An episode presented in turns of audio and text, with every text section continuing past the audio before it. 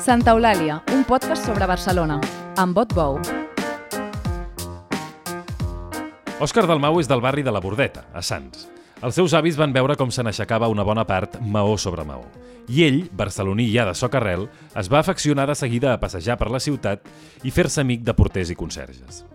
Ha retratat façanes, vestíbuls i racons molt valuosos arquitectònicament i que també expliquen una part molt important de la història de Barcelona, però que la gent sol menysprear amb una etiqueta, arquitectura lletja. En aquesta conversa parlem amb Dalmau de la Barcelona que ha viscut, d'una barcelonina i sencenca que ha estat molt important per ell i de les joies urbanes que Dalmau mateix va immortalitzar al llibre Barcelona Retro, guia d'arquitectura moderna i d'arts aplicades a Barcelona, publicat per l'editorial GG. Òscar Dalmau, tot seguit, a Santa Eulàlia.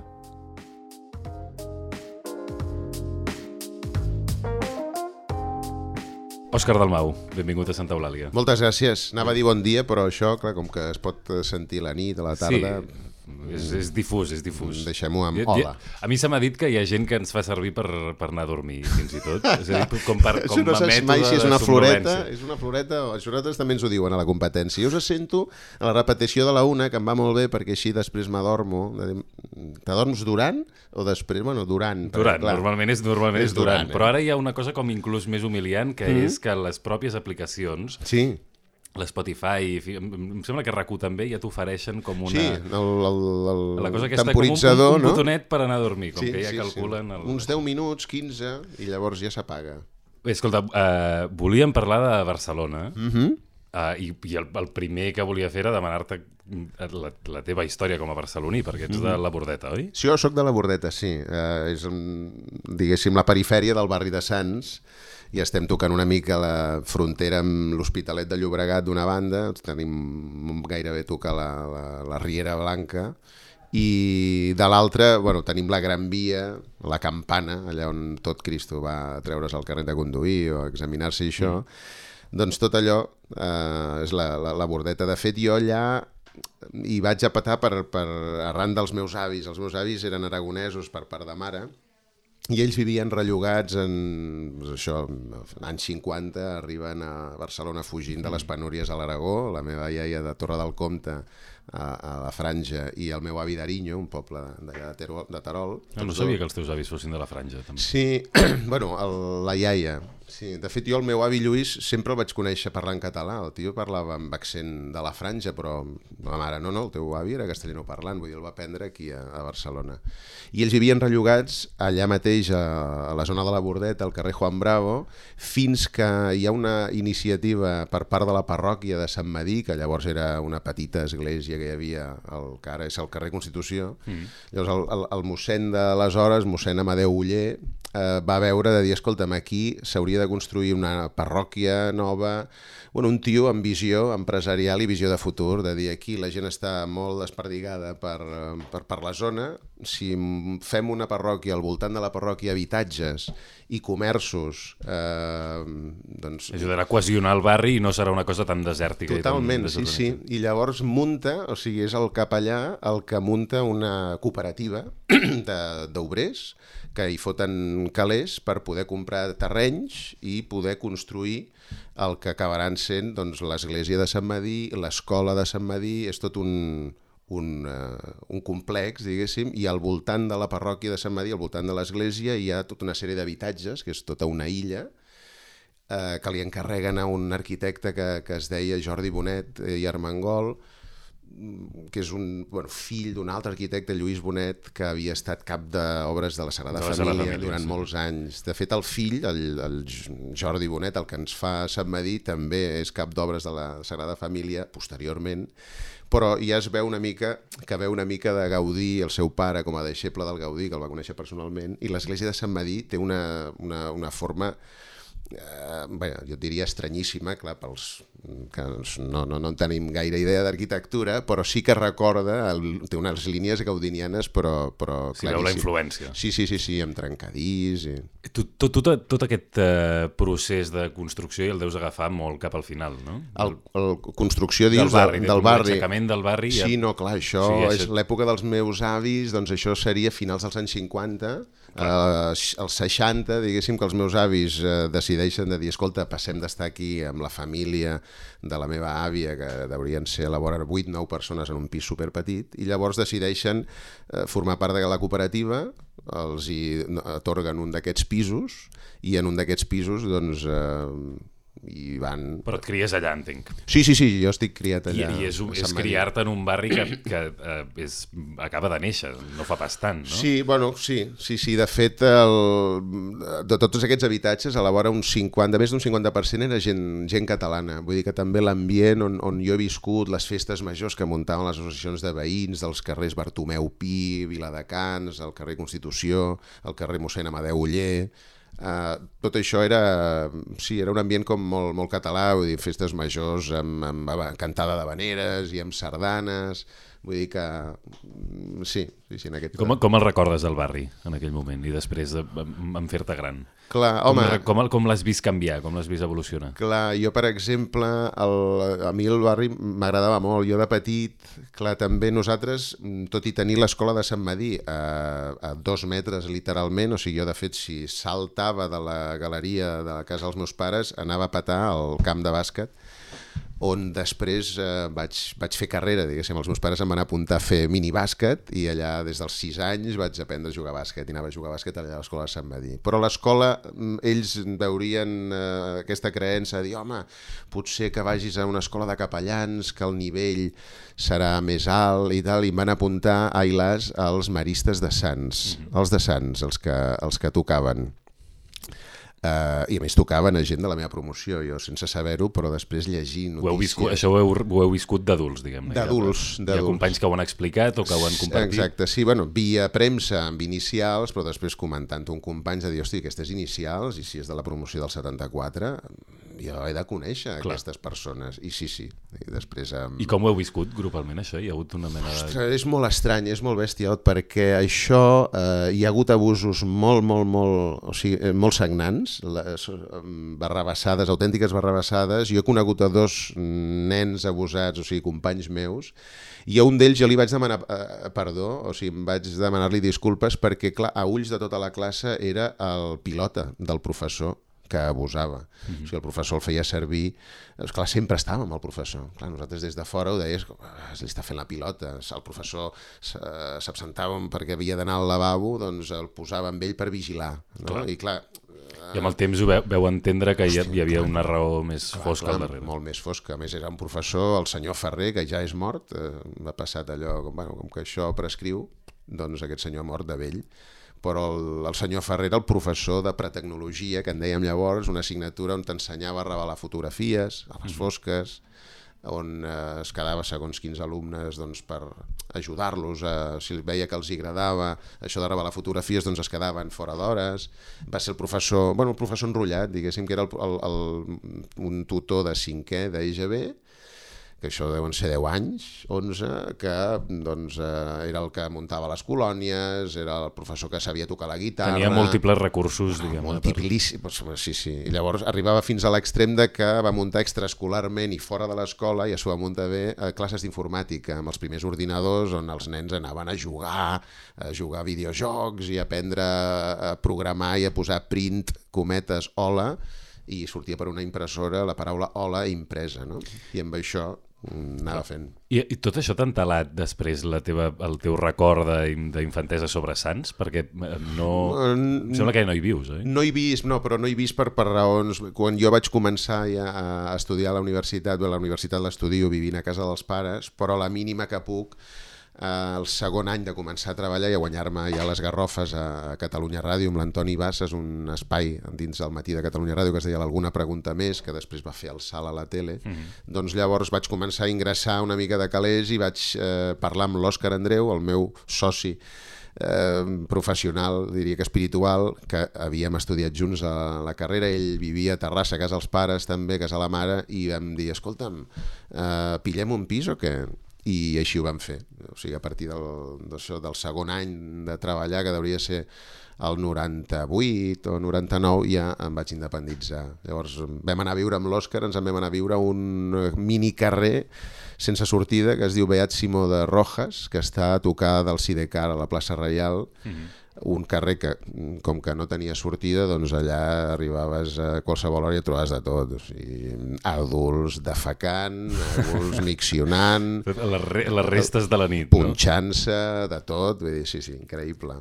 Uh, I eh, a Sants per això veig que, que dius que hi, que hi continues anant pels teus pares. Sí, que allà hi viuen Continues veient com casa teva. En part. Sí, sí, sí. A més, eh, bueno, clar, jo, tota la, la gent, diguéssim, les estructures d'estat del barri de Sants, que serien doncs la, la Polo, la, la senyora Polo, de la pastisseria Polo, per exemple, que és la que em feia les corones de nata pels meus aniversaris fins a, no sé, que jo vaig tenir a la vora 40 anys o així, eh, ja s'ha retirat, vull dir que clar, es van retirant tota aquella gent, els botiguers que jo recordo, i ja el de l'Estanc, el senyor Isidre, bueno, s'han anat eh, retirant, llavors clar, ja eh, hi vaig, diguéssim, però a veure els pares, no a passejar com podien Però, abans. però aquesta, aquesta sensació que de vegades descriu gent, sobretot de la teva generació, mm. o, o més grans, com de, de veure un procés de despersonalització del barri on han crescut a Barcelona, això t'ha passat? Mm, no sé què dir-te, és que clar, si eh, escolto els meus pares, o sigui, eh,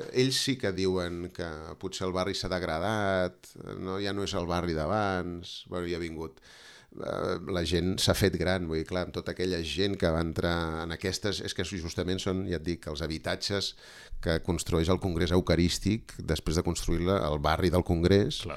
munten aquests habitatges aquí a, a Sant Madí. Clar, tota aquella gent eh, ja ha mort, el farmacèutic a sota de casa, el, el senyor Sobirà, doncs ja, ja no hi és. Vull dir Tota que, aquella cohesió que suposo que en el moment d'aixecar el barri... Eh, Clar, es clar, va, clar. Es va, es va, això es va Això es ajuntar, va- no? Eh, Després es desajunta. I sí, després sí, sí, es va esveint. Mhm. Sí, sí. Eh, I ara vius a les Corts, m'equivoco? I ara visc a les Corts, sí. I les Corts com ho veus avui? El que passa que jo faig una vida estranya a les Corts, perquè, de fet, mm, jo treballo a tocar de, de, pràcticament d'on visc. Eh, jo treballo a Francesc Macià, que és una mica territori de ningú, eh, no, no, no hi arriba al metro. Eh, Al vell mig de la Diagonal de vell- Barcelona. no? bueno, al vell mig, sí. eh, te- te- Tenim una noció Sí, això la potser de- després de tants anys s'hauria de, de reconsiderar. no, al vell perquè- mig tampoc no ben bé, però si agafem un regle. Però sí, i llavors eh, a l'hora de buscar pis eh, me les vaig manegar per convèncer la meva parella d'agafar un pis pràcticament que hi pogués arribar fent la croqueta a, a la ràdio. Perquè clar, a la ràdio amb la tonteria fa 15 anys ja que hi som. O sigui, que fa 15 anys que jo surto de casa i vaig cap, a, cap allà a Francesc Macià. Escolta, hi ha un personatge de, de Sants, eh, del teu barri, que crec que et desperta una mena de fascinació, que és eh, Núria Feliu. Home, bueno, a mi hi ha molts encencs. Eh? ah, hi ha molts, hi ha molts encencs i no s'encencs, eh? És veritat, és veritat. Bé, home, la fascinació arriba fins a tal punt que eh, des del Departament de Cultura em van contactar amb mi per comissariar una exposició al Palau Robert, a la sala principal del Palau Robert, i que estic ara fotut enmig s'ha de d'un- cacau, s'ha de fer. Eh, S'inaugurarà a principis del mes de febrer de l'any que ve, i ara estem en tot el procés de construcció, bueno, debats amb els arquitectes per mirar d'on van les peces, si va aquí, si va allà. Ara estic també amb els drets d'arxiu de Televisió Espanyola, que necessito també els permisos de la vídua de Tete Montoliu, un pianista que va tocar als inicis amb, amb ell, amb la Feliu.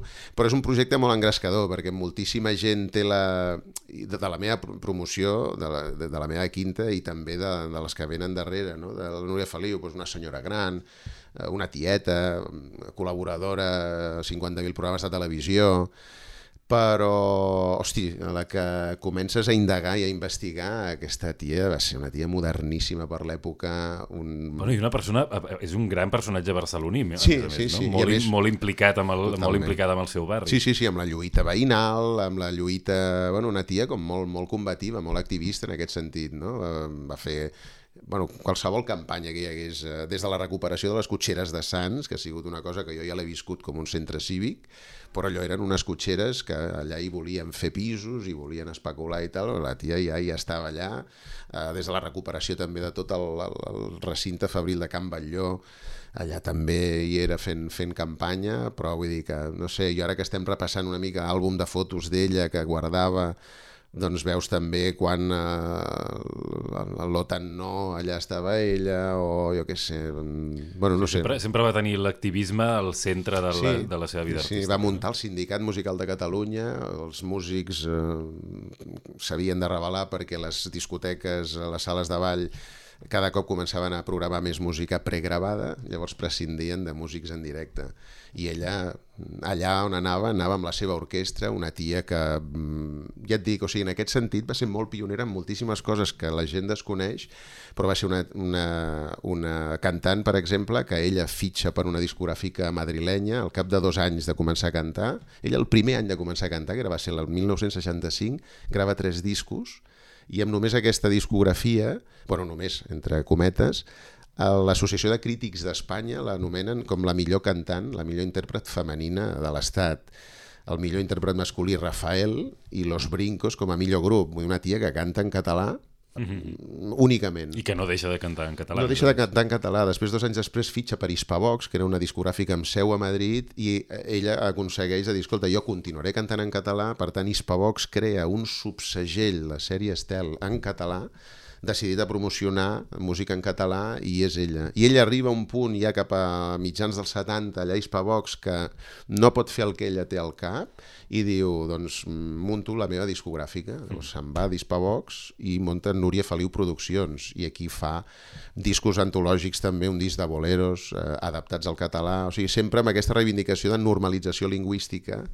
una, eh, ja et dic, una cantant que ella no es considerava cantant sinó intèrpret, sempre deia, jo vinc del teatre, ella va, va fer molt teatre amateur també, o sigui, abans de cantar mm, portava molts anys ja de, de teatre amateur, va estar al Teatre Experimental Català, que va ser un grup molt, molt interessant també de teatre amateur, que reivindicaven eh, doncs això, adaptaven eh, peces de Camí o d'Arnold Wesker al català i estrenaven també obres de dramaturgs eh, catalans, eh, estrenaven Pedrolo, Baltasar Porcel... Eh, vull dir tot, que... això ho podrem veure, la, tot això ho podrem veure sí, a l'exposició? Sí, sí, sí, tot això ho podrem veure, sí, perquè ella, com un ratolí, o sigui, jo crec que mm, tenia en ment que algun dia es faria una exposició per parlar d'ella. Vull dir, ella, fixa't que tenia contractat un servei de clipping, que en diuen de recull de premsa, des de l'any 65 pagava una empresa perquè li retallés absolutament tot el que sortia a la premsa parlant d'ella. Llavors tenim, des de l'any 65, uns tot quaderns, tot guardat, d'un article a l'Heraldo d'Aragón parlant d'un disc que treu ella, unes versions de musicals... Bueno, és espectacular. Mm -hmm. Ja dic, molta gent eh, pot pensar que els musicals eh, van començar amb Àngels Gunyalons, el Memory i tot això, i dius, no, no, és que aquesta tia des de l'any 65, el primer disc, ja, ja, ja, ja inclou Sí, sí, música de, de musicals, de cinema, toca tots els pals de la música popular, que això és lo interessant d'ella també, no? Gèneres populars, recupera el cuplet, un tipus de, doncs això, de cançó popular de la República, bueno, anys 20, anys 30, després això es perd, i de cop i volta ella grava un disc recuperant els couplets eh, d'aquella època i reconnecta tota una sèrie de generacions de gent que havia sentit cantar aquestes cançons als pares, als avis, i és el disc més venut d'ella, un disc Els nostres couplets, no? Sí, sí, si, si sí, sí, els couplets, sí.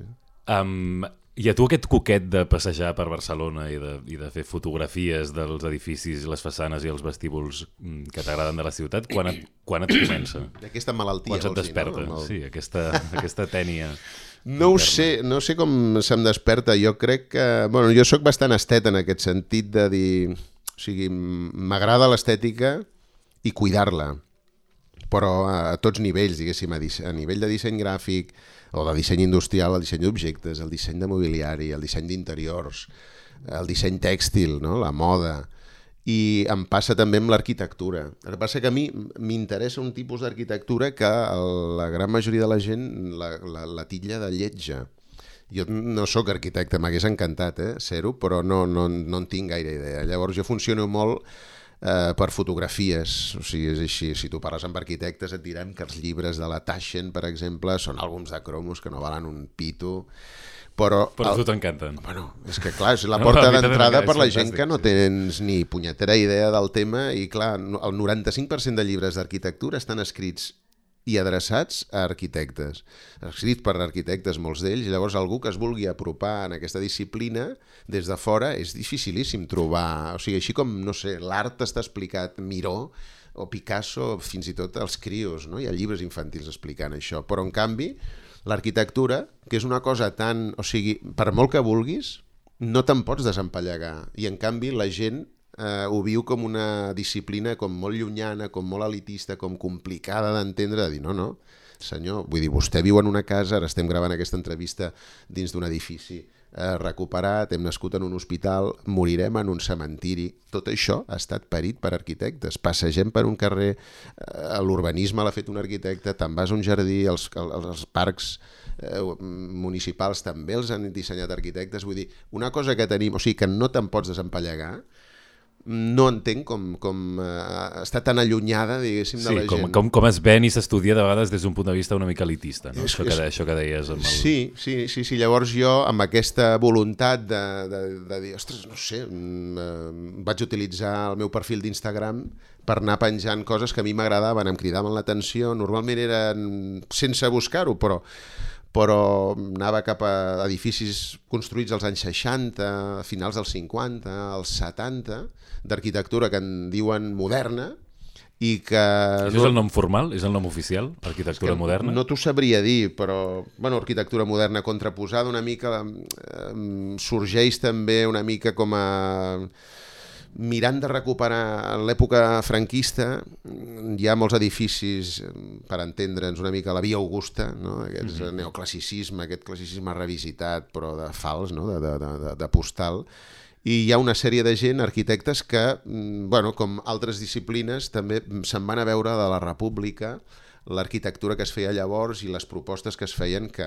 entroncaven molt més amb l'arquitectura que es feia a nivell europeu, Le Corbusier, tots aquests noms eh, com molt... Posem, posem, posem tres o quatre exemples perquè la gent Sí. sí. imagini i il·lustri de què estem parlant. Per Clar, exemple, jo, o sigui, per exemple, a través d'una façana et puc dir si el vestíbul de l'edifici serà interessant o no. O sigui, moltes vegades he arribat a, a, a descobrir obres d'art en, en vestíbuls d'edificis a través de la façana. Dir, hosti, passo amb la moto o passo caminant o, o, i penso, hosti, aquest edifici, m'apunto l'adreça i ahir passaré amb calma perquè alguna cosa ha de tenir. I Llavors... Però estem parlant, diguem-ne, de, la, de, la, de la sèrie d'edificis estil la Talaia, el, Walden... Per exemple, tot, però sí. Tot això potser són casos molt, molt extrems, Sí, no? sí, I ex- també t'has fixat en casos més discrets. Sí, per exemple, hi ha un conjunt de- de- d'habitatges a, la, prop de, a tocar de la plaça Molina, que són els habitatges de Via Augusta, al carrer Brusi que puja i Sant Elies, que és el de darrere de la Via Augusta,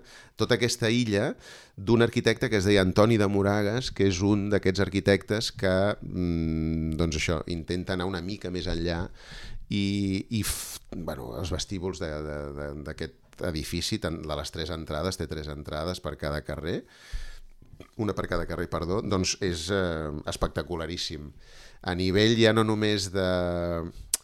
O sigui, clar, era una època en què els arquitectes s'ho havien de manegar pràcticament tot ells. Hi havia pocs materials, eh, l'exportació de materials eh, per poder fer coses xules i mobiliari, per exemple, era complicat. Llavors, doncs, eh, et, pot, et trobes amb un vestíbul que pràcticament més que una sala de, per passar, diguéssim, és, un, és una sala d'estar el mobiliari, el, el dissenya tot el Moragas, eh, les bases dels eh, seients, de les butaques, dels sofàs és de formigó. Com l'entrada d'un hotel de luxe. Mm, Sí, però utilitzant formigó, utilitzant, recuperant la, la rajola aquesta de la Bisbal, de Cartabó, rajola vidriada, de ceràmica vidriada, fotent unes... Bueno, depèn de com col·loquis les rajoles, fa com una mena de trames superinteressants. La, els llums de paret també són dissenyats per ell, fets amb, amb, amb pocs, molt pocs recursos. Els poms de les portes, per obrir les portes, uns poms superergonòmics, doncs també els munta ell. Vull dir que és, és diguéssim, un arquitecte que va més enllà de només fer els plànols de l'edifici. S'encarrega també de les bústies. Si veieu les bústies... eh, Jo, jo vaig editar, perdona que parli d'un llibre No, meu. no, te n'anava a parlar ara. Dic, és que, eh, de fet, potser per això que deies del, dels manuals de la Taschen que serveixen per apropar en els estetes i en els que els agrada l'arquitectura, eh, però que no en tenen nocions, eh, i és una manera de reivindicar-ho. Suposo que és una de les pretensions que tenies quan vas publicar aquest llibre de Barcelona Retro l'any Sí. 2019. Sí, sí, de fet és una guia d'arquitectura moderna i d'arts aplicades a, a Barcelona, reivindicant doncs, a la portada, aquí té, eh, la portada del, del llibre en català, hi ha les bústies de fusta d'aquest edifici que et dic de l'Antoni de Moragues i les, les bústies de fusta que dius, hòstia, és que és, és, és una cosa ja com a objecte és molt, molt maco, molt atractiu, tenen un per què i és que és l'edifici, o sigui, és com si fes l'edifici. Eh, hi ha una, una bústia a baix de tot, Uh -huh. que trenca una mica la geometria de, rectangular de tot el conjunt de bústies, doncs és a la porteria, és la bústia del porter. I a dalt de tot, a la filera dalt de tot, només hi ha quatre bústies, que són els quatre àtics. Vull dir que, hòstia, conceptualment, de dir, hòstia, pensaven fins i tot no? a nivell de, bueno, com han de ser les bústies, no?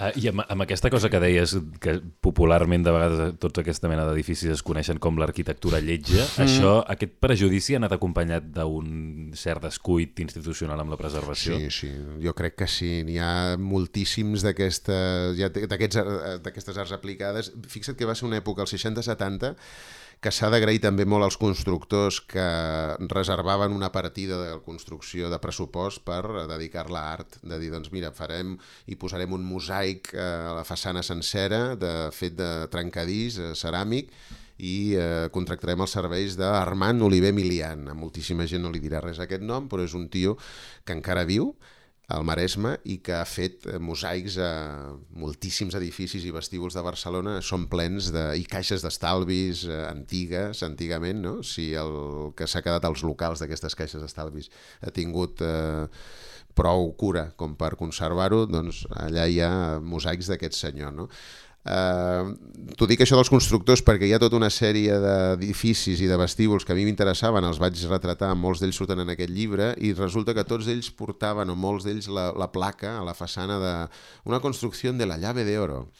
I clar, la llave d'oro, investigant, eh, vaig veure que hi havia un senyor al darrere que es deia Lluís Marçà, que és l'avi dels eh, que actualment ho, ho, ho porten, porten la constructora, doncs aquest senyor era col·leccionista d'art contemporani. Llavors tenia la idea de construir, però contribuir a fer una Barcelona maca, una ciutat que, doncs això, que els veïns, quan entressin a les seves finques, respiressin art contemporani. Llavors, en molts edificis de la llave d'oro d'aquella època hi ha fins i tot tapissos eh, penjats de les parets dels vestíbuls, o això que et deia, o vitralls, o, o directament eh, art contemporani, o sigui, murals eh, a paret, Vull dir que...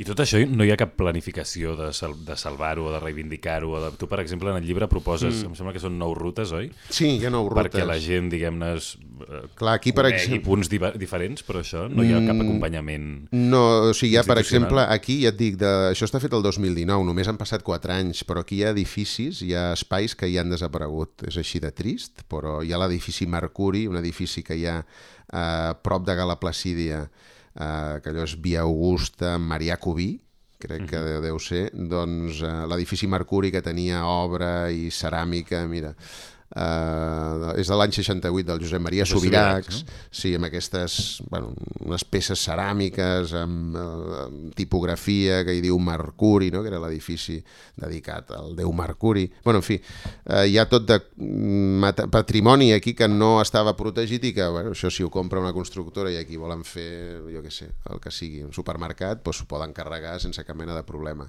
és una, hi ha una, una certa problemàtica amb tota que aquestes arts aplicades a aquesta època. I a més a més, eh, no deixa de ser un, un malbaratament d'una cosa que també diu també diu coses sobre la nostra cultura Home, i sobre la nostra història bueno, segur, arquitectònica segur. i artística. Segur, no? segur. Diguem-ne, és arquitectura lletja, però incrustada mm. en la tradició arquitectònica d'aquest país, sí. perquè moltes vegades es fa servir el, el trencadís, el mosaic... Sí, el... sí, sí, sí. No, no, ja et dic, lletja jo t'ho deia entre moltes cometes, sí que s'hi refereix molta gent això, oh, aquest edifici és lleig, però per exemple tu veus la Torre Colón a, a, pràcticament a tocar del mar a la Rambla, eh, allò no, no sé si, bueno, al costat del, del centre de Santa Mònica, la Torre Colón, que és com una mena de sí. gegant brutalista, formigó, i dius, hosti, això, que, que és lleig, això. Doncs tu si entres, us convido a entrar-hi eh, i flipar amb l'escala, per exemple. És una escala emmocatada, de color blanc, s'ha de tenir pebrots per emmocatar una escala que trepitjarà tothom d'un color blanc, i els mateixos esglaons, cada esglaó puja al lateral i els esglaons mateixos fan de barana. És, és fantàstic. I aquest blanc aguantat? I aquest blanc, bueno, ara ja és més aviat gris, però eh, vull dir, sí, sí, va, bueno, suposo que ho deuen anar eh, moquetant allò. Però ja et dic que de, darrere d'una façana així que dius, hòstia, és massa bèstia aquest edifici, és un edifici que es veu eh, d'una hora lluny, des de qualsevol punt pràcticament de la ciutat, no? i que la gent diu, oh, allò que tapa la vista del mar, no? Bueno, es va fer, eh, diguéssim, amb, amb, amb, eh, si tu t'hi fixes, té la forma, sobretot la part de dalt, que està moguda, bueno, moguda, eh, com si una torre de vigilància marítima, que en el fons eh, en principi estava pensada per qui anés allà. Després amb els anys allà hi ha passat fins i tot un, un restaurant amb unes vistes espectaculars que ja ha tancat també, que va ser quan jo vaig descobrir aquestes escales i aquest vestíbul tan xulo. Eh, parlant de restaurants, de fet, t'anava a dir, perquè un altre dels llocs que esmentes és el Flash Flash. Sí, um, home. no, no és, no, aquesta arquitectura no deixa només una empremta eh, diguem-ne, contemplativa. Mm -hmm. Molts d'aquests vestíbuls, molts dels llocs que assenyales, hi ha esglésies, hi ha el restaurant, sí. hi ha, són llocs que es fan servir, que hi ha vida. Sí, sí, sí. A més, el, el Flash Flash, per exemple, és un, un projecte de, de dos arquitectes, d'Alfonso Correa i el, Milà, i el eh, Alfonso Milà, perdó, i el Francisco Correa. Ells dos munten tant el Flash Flash com un restaurant que hi ha al davant, al mateix carrer de la Granada del Penedès, que es diu Il Jardineto, que també on la moqueta i campa mm, re- fa com una mena de bosc i tal, però jo el Flash Flash, per exemple, hi he portat amics del Japó, allò, mm, hem d'anar a sopar, a més els agraden molt les truites, doncs, hòstia, hem d'anar a una truiteria, hòstia, només fan truites aquí, sí, sí, tasteu-les, i clar, es pensaven que era un, un restaurant, potser fa, fa 7 o 8 anys que hi vam anar, que era un restaurant modern fet... Eh, hòstia, això té poc... Fa quatre dies. Clar, clar, quan els expliques que això és dels anys 60 del segle passat, al·lucinaven. Clar, nosaltres ho veiem com una cosa normal, però eh, és, és, és flipant vist des de, des de fora. I realment el que sap greu és que la gent del Flash Flash, que és la família Pomés, eh, entre altres, no? els Milà també hi tenen participació, clar, eh, ja venen d'una tradició familiar que tot això es valora. Però mm, cada cop passa més que interiors de tipus de locals comercials així desapareixen i en el seu lloc, o sigui, no, no és d'estranyar, per exemple, que d'aquí uns anys, no crec que passi amb el Flash Flash, però acostuma a passar que arrasen amb un eh, disseny d'interiors per col·locar-hi, dels anys 60, per col·locar-hi una cafeteria amb aparença dels anys 60, saps? Amb les, amb les fustes gastades, Sí, amb com- com un decorat. Recuper, recuperem un terra hidràulic i posem-lo aquí de dir, home, però si ja ho teníeu, si us ho heu carregat, de dir, hòstia, és una bogeria absoluta això, i cada cop passa més, o sigui, veus, veus locals d'aquests històrics, ja no d'aquesta època seixantera, sinó de, anteriors, no? De, de botigues dels anys 20, 30, que dius, hòstia, si ho teníeu, ja ho teníeu fet, no? De, hòstia, Doncs escolta, convidem la gent a seguir les rutes que, bueno, les rutes de, que, que inclouen punts que encara existeixen d'aquest Ah. llibre Barcelona Retro del, de l'Òscar Dalmau. Uh, no sé si a banda del, de l'exposició aquesta sobre la Núria Feliu hi ha cap altre projecte en marxa. De moment no. De moment no, ja, ja déu Ho, nhi ho actualitzarem uh, Exacte, quan, quan, sigui, vulguis. quan sigui pertinent. Quan vulguis. Molt bé, doncs un plaer la conversa. Gràcies, Òscar.